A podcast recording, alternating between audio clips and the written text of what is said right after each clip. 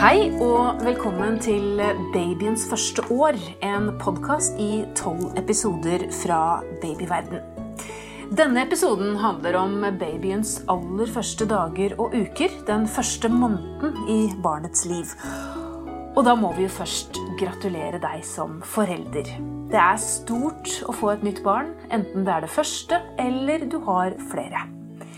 Nybakte foreldre har tusen spørsmål, og alt de ønsker, er å gjøre det aller beste for babyen sin. I denne podkasten skal vi følge babyens utvikling, motorisk og kognitivt, og forhåpentligvis hjelpe deg å styrke utviklingen og sikre barnet ditt et solid fundament i starten av livet. Jeg heter Karine Næss Frafjord, og vi har med oss to eksperter i hver episode. En barnelege og en psykologspesialist. Og Vi starter med deg, barnelege på Stavanger universitetssykehus, Siv Helen Obrestad Watts. Hva er det første rådet du vil gi til helt nye foreldre? Eh, det er et veldig godt spørsmål. Jeg vil råde deg som nybakt foreldre til å bruke tiden eh, til å bli kjent med barnet, og la barnet få lov å bli kjent med deg som foreldre og omsorgsperson. For det barnet, eh, den første tiden etter et barn blir født, så vil det eh, søke sosial kontakt med de eh, menneskene det omgis med. Og, og, det vil eh, prøve å etablere et samspill med, med den eh, omsorgspersonen som er i dens nærhet. Eh, derfor er det så viktig å bruke den tiden på å være til stede med barnet, og ikke eh, eh, la seg eh, bli så opphengt i at en skal ut eh, og, og, og, på kafé eller på, eh, i barselperioden være med andre eller ha mye besøk, men prøve å leve litt i en unntakstilstand den første tida. Um, og jeg hadde den erfaringen at jeg har tre barn sjøl.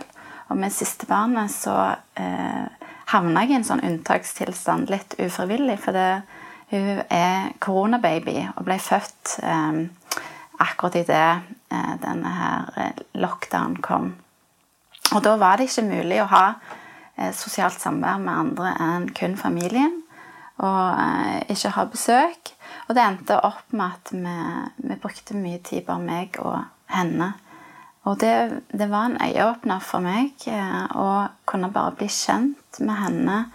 Eh, ja, og bare se eh, signalene og møte hennes Ja, finne ut hva, hvem er du som person. Og da tenker du at man bør begrense antall mennesker til kanskje foreldrene da, den første tiden, eller? Ja, jeg tenker det. Men søsken òg er veldig viktig. At søsken får være del av eh, og, og, på en måte bli kjent med denne her nye personligheten som er kommet til verden.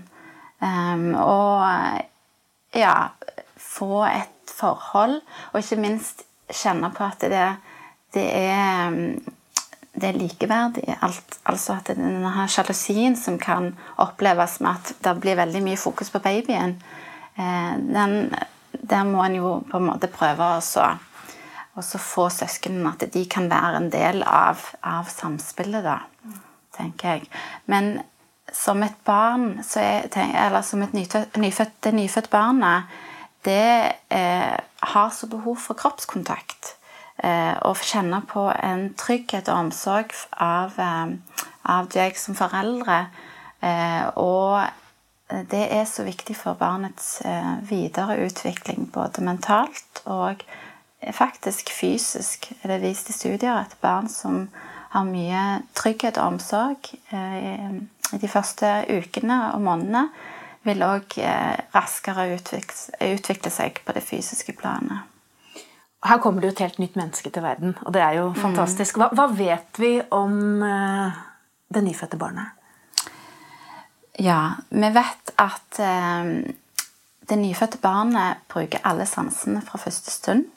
Eh, med at det søker kontakt med, med, blikket i noen få sekunder. Det lukter, og det eh, smaker på mors eller den eh, omsorgspersonens hud.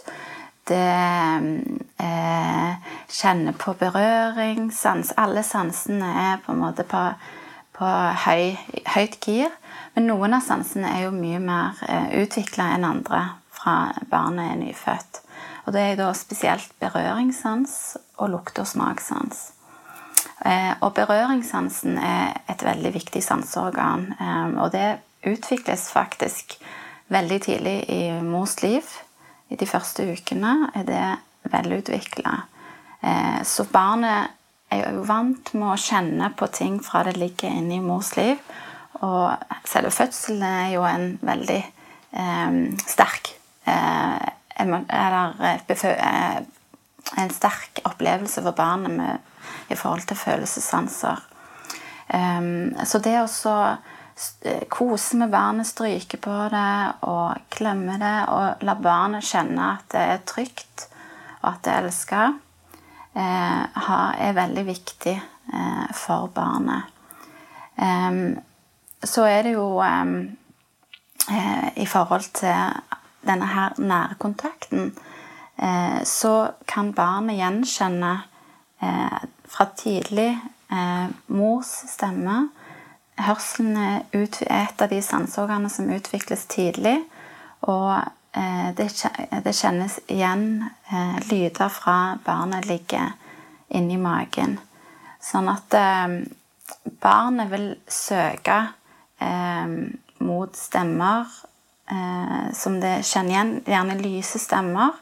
Eller musikk kan vi ha vist. Eh, hvis et barn har hørt på mye musikk i magen, så viser det seg at barnet beroliges av den samme type musikk når barnet blir født. Fordi den kjenner det igjen? Ja, for det er en kjent, eh, ja, en kjent lyd for barnet. Og òg i forhold til Eh, til lyder så, så, er det menneskestemmer barnet foretrekker. Da. Det er ikke musikk, men det er å snakke med barnet. Og selv om barnet er helt nyfødt, hele tiden nynner eller, eller lage lyder og, og, og, snakke med barnet. Selv om det ikke, som kanskje nybakt foreldre, helt naturlig faller seg.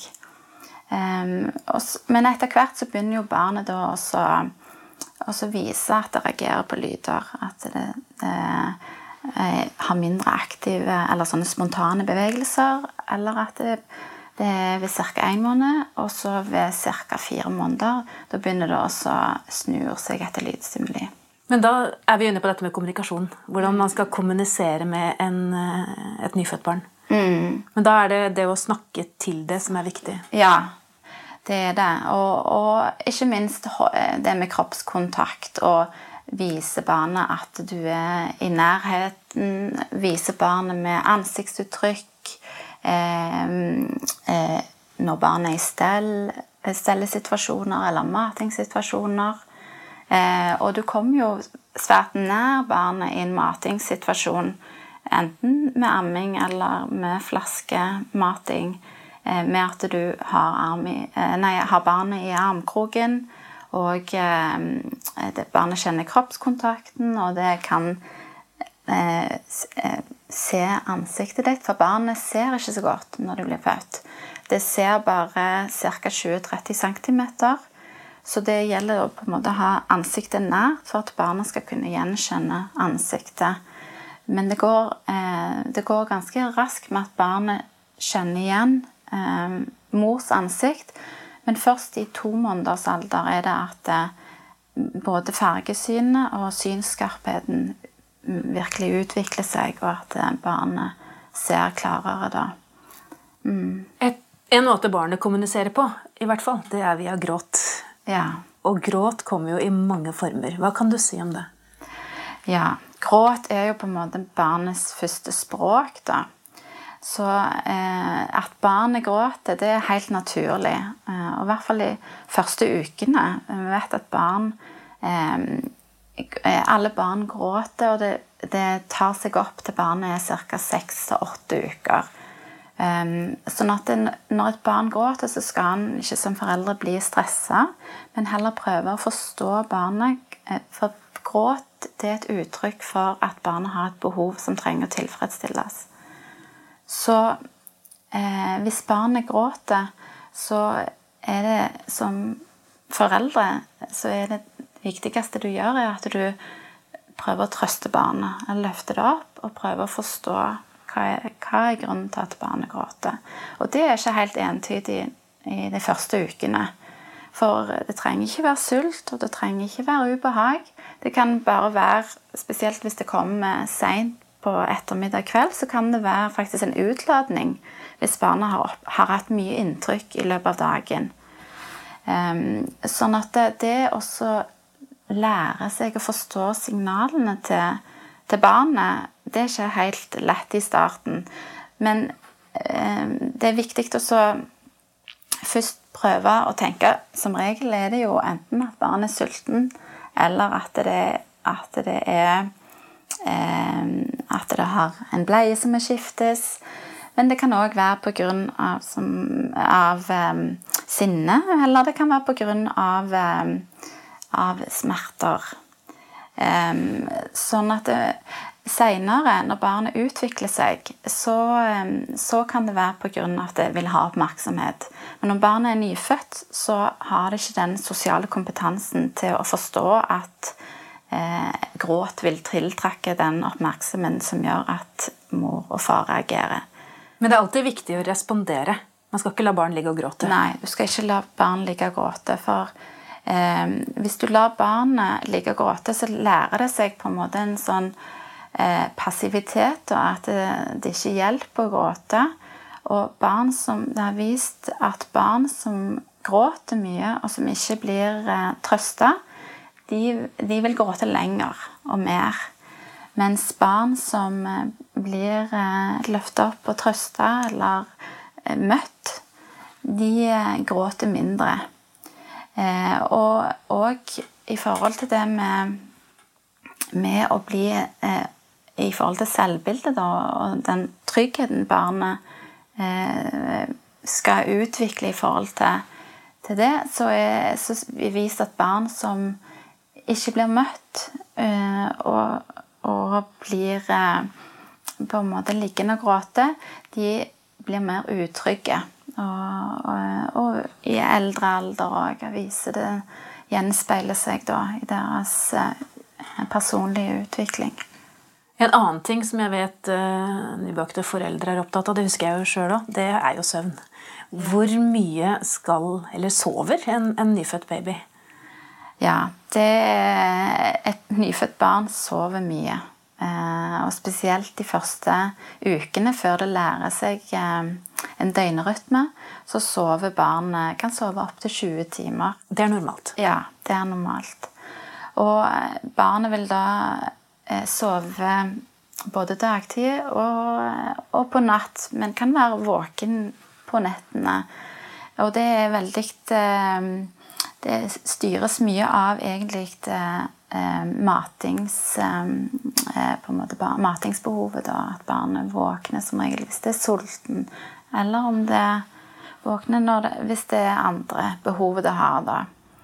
Eh, så, men at barnet sover mye, det gjør det de første, eh, første ukene og månedene. Og da tenker jeg det er veldig viktig å hvile når barnet hviler. Sånn at du er uthvilt og til, til stede når barnet er våkent. Så man skal ikke prøve å påvirke døgnrytmen til barnet i noe særlig grad? Nei, jeg tenker det vil naturlig eh, eh, på en måte falle på plass etter hvert som barnet utvikler seg. Mm. Så det handler om å la babyen følge instinktene sine? egentlig? Spise når du er sulten, sove når du er trøtt? Ja. Og så eh, vil jo når barnet blir eldre, hvis det fremdeles har, eh, har eh, et eh, søvn, en søvnrytme som ikke samstemmer med, med hva vi andre har, så, eh, så går det jo an å prøve å få barnet til å ha barnet litt mer våken på dag, og så få det til å eh, legge, på en måte prøve å skape leggerutiner på kveld. Og få barnet til å sove med en, en mer normal døgnrytme. Mm. Men de første ukene så er det på en måte barnet som styrer hvordan, hvordan dagen og døgnet blir. amming eller flaskemating det kan vi jo snakke mye om, og det har vi jo laget egne episoder, podkastepisoder om òg på babyverden. Men sånn helt kort eh, Amming vet vi er bra, og for noen så er det vanskelig. Hva gjør man eh, hvis man ikke får det til? Ja, det er jo, det er jo på en måte tidlig at en, eh, det er jo allerede når en er på sykehuset at eh, ammingen forhåpentligvis komme i gang. Og det er jo veldig godt, iallfall som ny, eh, nybakt foreldre, at en har kommet godt i gang med ammingen før en reiser hjem. Eh, og da kan en jo få hjelp av, eh, av eh, jordmødre eller eh, helsepersonell eh, på sykehuset til å komme godt i gang med ammingen. Men jeg tror det er viktig å ikke stresse, for det vil komme naturlig. det er en hormonell prosess som bare skjer. Og spesielt hvis en har hatt keisersnitt eller har hatt en litt traumatisk fødsel, så kan kroppen eh, være litt seinere i gang eh, med å produsere de rette hormonene til at, eh, at eh, melken kommer eh, så raskt. da. Så jeg tenker at, det, at en ikke skal gi opp for tidlig, og at en skal bare la tiden på en måte være eh, til hjelp, da. Sånn at, eh, at når en først kommer i gang, så får en et, et, en positiv opplevelse med det med amming. Da, og det om å ha den nære kontakten med barnet. Hvordan er det med motorikken til det nyfødte barnet? Er den utvikla? Ja, den utvikles eh, allerede fra barnet ligger i fosterlivet, så har barnet noen automatiske bevegelser som vi kaller for primitive reflekser. Det er f.eks. sugerefleksen, søkerefleksen, svelgerefleksen, griperefleksen er noen eksempler på det. Og eh, det utvikles for at barnet skal i de første dagene, ukene, kunne overleve. Så at det bruker søkerefleks og sugerefleks for å kunne finne mat hos mor. Ehm, men disse eh, eh, bevegelsene er ikke viljestyrte. Det er ikke den nyfødte hjernen som styrer over de. Sånn at barnet, de første ukene så har barnet veldig lite viljestyrte bevegelser.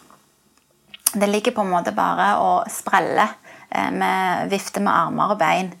og så etter hvert som den motoriske utviklingen skjer, og den skjer da fra hodet og nedover, så vil barnet klarer etter hvert å løfte hodet mot skrå.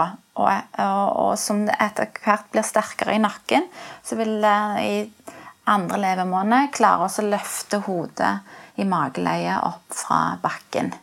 Opplever du at det er mye press på nybakte foreldre, og kanskje spesielt på mødre, i forhold til at man skal gjøre alt riktig? Og hva er riktig? Ja, hva er riktig, da?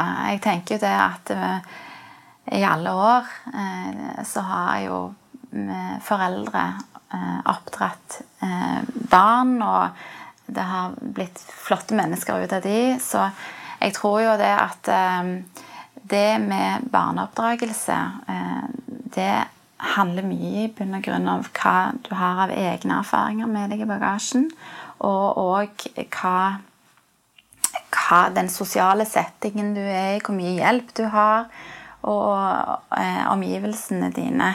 Eh, har du flere barn, og ja, hvordan familieforholdet er. Men, men, jeg tenker at alle barn er forskjellige. Like forskjellige som alle voksne er ulike individ.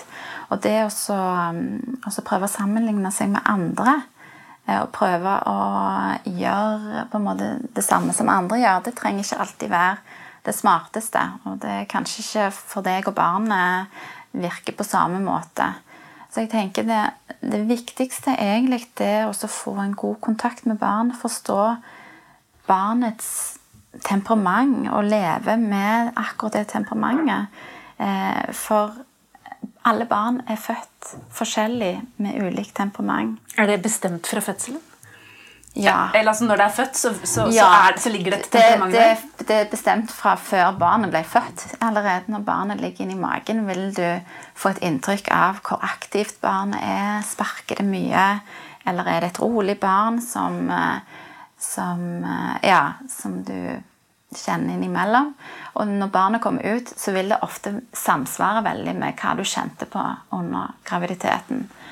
Så mye er genetikk der, ja. Hvordan barnet eh, ja, oppfører seg da. Eh, for temperament, da tenker vi ofte eh, at det har noe med, med sinne og liksom sånn voldsomme følelser. Men temperament, når vi eh, snakker om det i forhold til nyfødte, så er, gjelder det mer eh, hvordan barnet eh, oppfører seg i, situasjoner. Er det et aktivt barn? Gråter det mye? Hvordan reagerer det på, på nye ting? Eh, er det, det et, hvordan Lunde da? Er det, er det fornøyd å, å, bli mye av tiden? Og, ja. Så, og det vil jo påvirke deg veldig som foreldre, da. Hvordan du møter barnet ut ifra hva temperament barnet har. Ja. Nå har vi snakket mye om uh, fysisk utvikling på barnet og vært litt innom da temperament. Og vi skal fortsette å snakke om den kognitive utviklingen til barnet. Takk skal du ha, Siv Helen Obrestad Watz. Og så kommer vi straks tilbake med psykologspesialist Grete Tangen Andersen.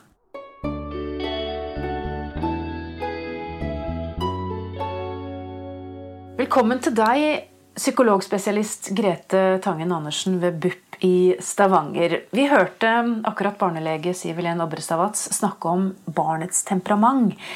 Hvordan mener du foreldre skal tilpasse seg barnet i den første måneden? Ja, det er jo viktig det med temperament, fordi det er vel en av de få tingene en tenker en er født med. Eh, det kan jo være andre ting òg, men temperament er noe som følger oss hele livet, og noe som alle mennesker gjenkjenner, egentlig.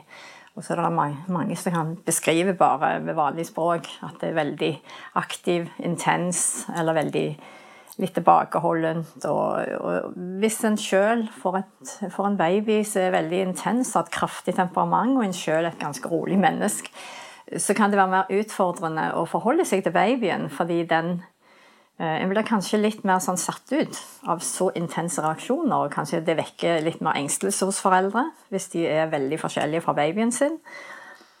Og Da er det vel kanskje å tenke at det er temperament. At det intense egentlig ikke uttrykker noe annet enn det rolige. Det bare er mer intenst uttrykt.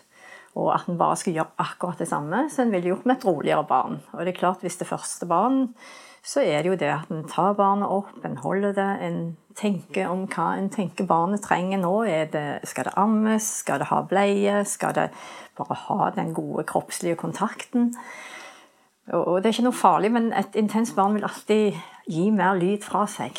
men er det sånn at vi forventer at vi får et barn som er helt likt oss selv? Det er veldig fort gjort at en tenker det, og at det ikke skal være noe problem. Men det, det, det ser en jo ofte, at det faktisk er noe som foreldre kanskje strever med og strever med over tid. At de kanskje syns det er vanskeligere å sette grenser for barn som er veldig intense. Nå tenker jeg seinere når de er litt eldre, fordi de vippes litt av pinnen av intensiteten. Mm. Men jeg tror hvis en begynner å tenke, og da er det jo veldig viktig å tenke Hvis en lurer og undrer seg over hvorfor gråter barnet mitt, hvorfor stopper de ikke å gråte fortere, og hvorfor er det så kjapt å begynne å gråte, noe som barn så ganske intenst gjør, så er det jo veldig bra å kunne snakke med helsesøster, for de kan si ja, men det er vanlig, et vanlig barn med et kraftig temperament, så en trenger ikke være engstelig for det. Og det er jo alltid det å gå i dialog med noen, og da er jo helsestasjonen det er de som treffer alle barn.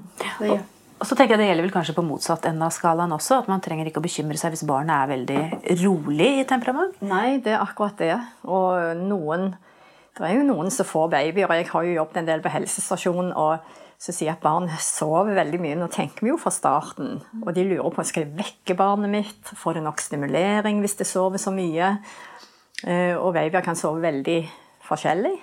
Og de som har babyer som sover kanskje veldig mange timer i døgnet, de kan bli litt engstelige for at de får lite våkentid med barnet sitt. Så at de vil gjerne vekke de og, og kanskje tenke at de må jo ha litt tid, litt våkentid.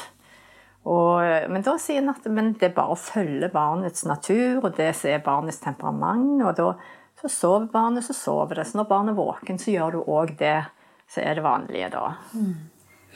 Dette med å få barn, og det hører vi jo på det du sier, det endrer jo hverdagen totalt. Ehm, hvordan skal man finne ut av denne foreldrerollen?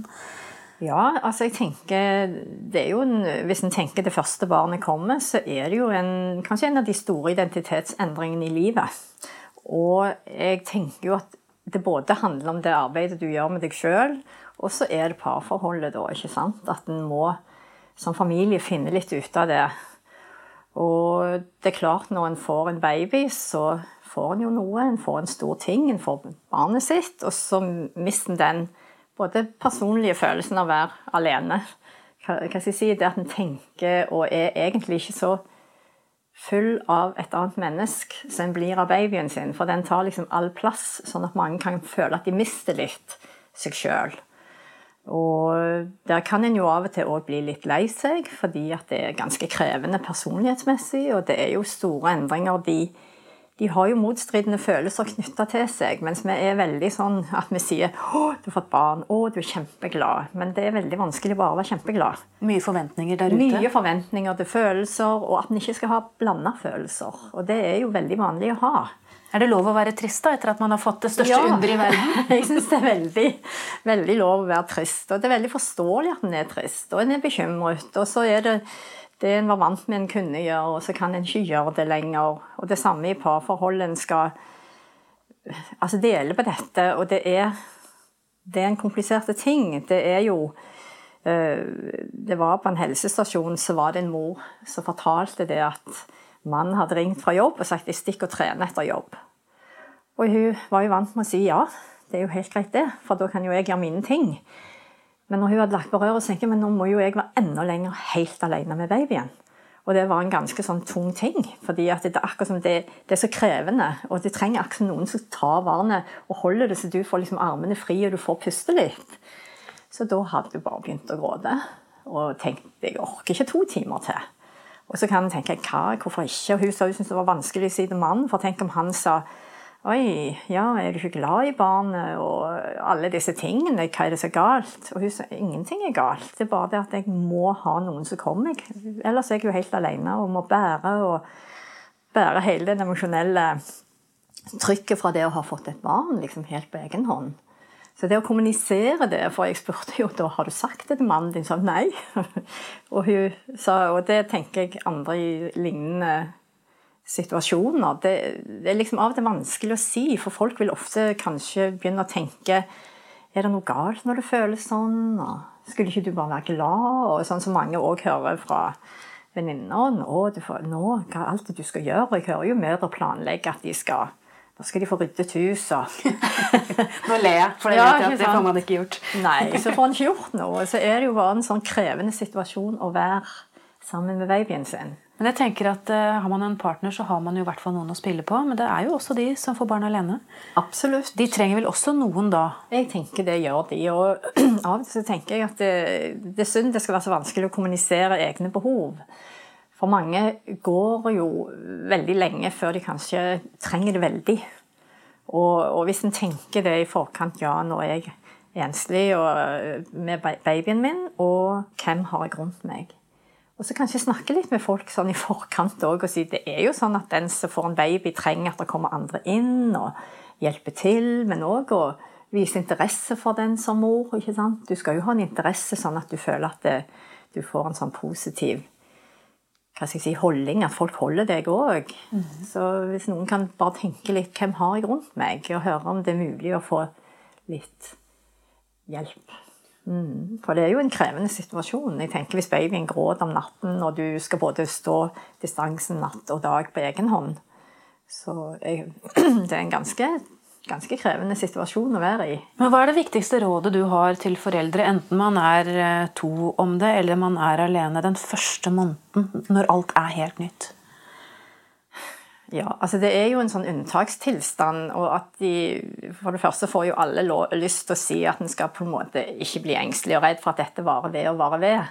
De blir kjent med babyen sin, og de kommer til å finne ut av hvordan dette barnet skal ha få sin plass i denne familien.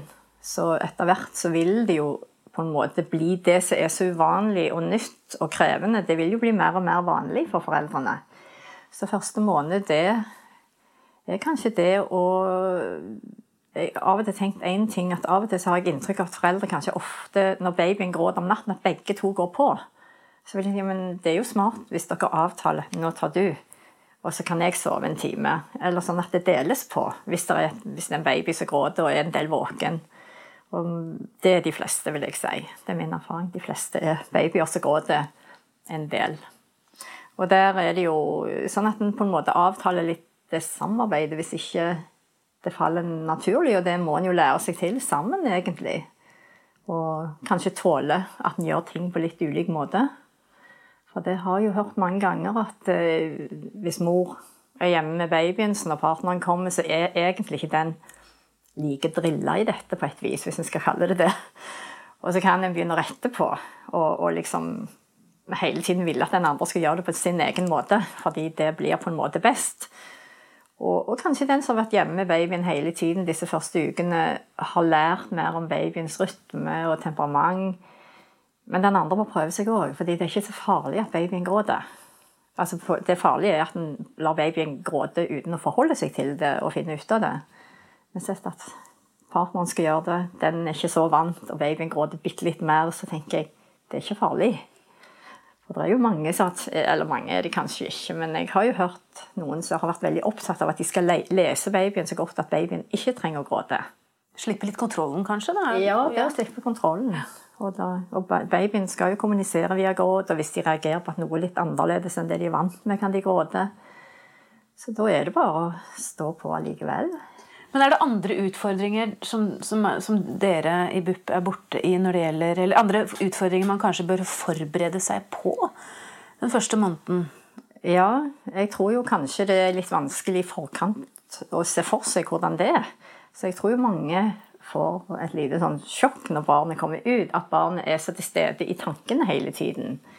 Og, og hvis en tenker at det er barnet, og at den endringen vil være der, og at er at du vil ha mange forskjellige følelser, så en ikke blir så forskrekket hvis en får det. Og at en ikke blir så engstelig for at nei, jeg kommer aldri til å finne tilbake til meg sjøl, og nå er livet mitt helt forandret. Og på en måte sant, men på en måte ikke sant, fordi personligheten tilpasser seg situasjonen, og en vil etter hvert bare ja, finne seg sjøl igjen. Noen tar litt lengre tid, andre føler ikke så veldig på det. Så, men at en er litt forberedt på at det er litt følelser, og at en er kanskje ekstremt var, og var for det barnet signaliserer. Og det er jo ofte det en kaller at en veldig spesiell tilstand mor går inn i, som gjør at kanskje hun hører lyder bedre. Um, kanskje hører at barnet begynner å gråte. Ingen andre i et rom har hørt det, men mor hørte. Så er på en måte en sånn viktig overlevelsesfase for babyen at mor er veldig i beredskap. Men den legger seg jo etter så barnet ikke trenger det på samme måte som før. Og I løpet av første måned så vil jo babyen få erfaringer av at det kommer noen, og de får det du trenger. Og en får jo ikke til noe perfekt, men det er ikke meningen. Det er godt nok. Det at du hele tiden er interessert og kommer babyen din i møte og vet at babyen er skal ikke bare ha mat og bleie, men de skal ha veldig mye sosial kontakt. At det trenger alle. Det så Kanskje man skal stole på seg sjøl, følge instinktene, og, og, kanskje ikke de forventningene der ute, da? Ja, jeg tror det at en skal kjenne etter hva som passer en sjøl. Og folk kan få mange kommentarer. De kan få mange kommentarer når løfter du babyen opp, når bør de legges ned. Og det skaper jo bare usikkerhet hvis du begynner å høre på det. Fordi det er jo ditt barn, og du skal være fornøyd med det du gjør, og du skal føle deg trygg. Og du blir jo ikke trygg hvis ikke du følger intuisjonen din. Og det er en veldig kjent uh, barnepsykiater i England som sa en gang Han hadde et uh, radioprogram som heter 'God nok mor', og han sa det han alltid bekymret seg for når han ga råd, det var at folk begynte å bli usikre og ikke fulgte intuisjonen sin. For de fleste har dette veldig i seg og kan utføre det når de trenger det. Ja. Sånn at, det, mm. Du var inne på at barnet eh, får erfaringer, og det skal ja. vi snakke mer om i, i neste episode. For ja. da begynner det faktisk å, å skje litt grann eh, også. Ja. Um, takk skal du ha, psykologspesialist Grete Tangen Andersen ved BUP i Stavanger. Du har hørt 'Babyens første år', en podkast fra babyverden. Lurer du på mer om hva som skjer med babyen din, eller har spørsmål rundt foreldrerollen, så anbefaler jeg deg å laste ned Babyverden-appen eller gå inn på babyverden.no, hvor du finner tusenvis av kvalitetssikrede artikler om nettopp babyer. Jeg heter Karine Næss Frafjord. Takk for at du hørte på, og jeg håper du vil følge oss videre i babyens utvikling måned for måned.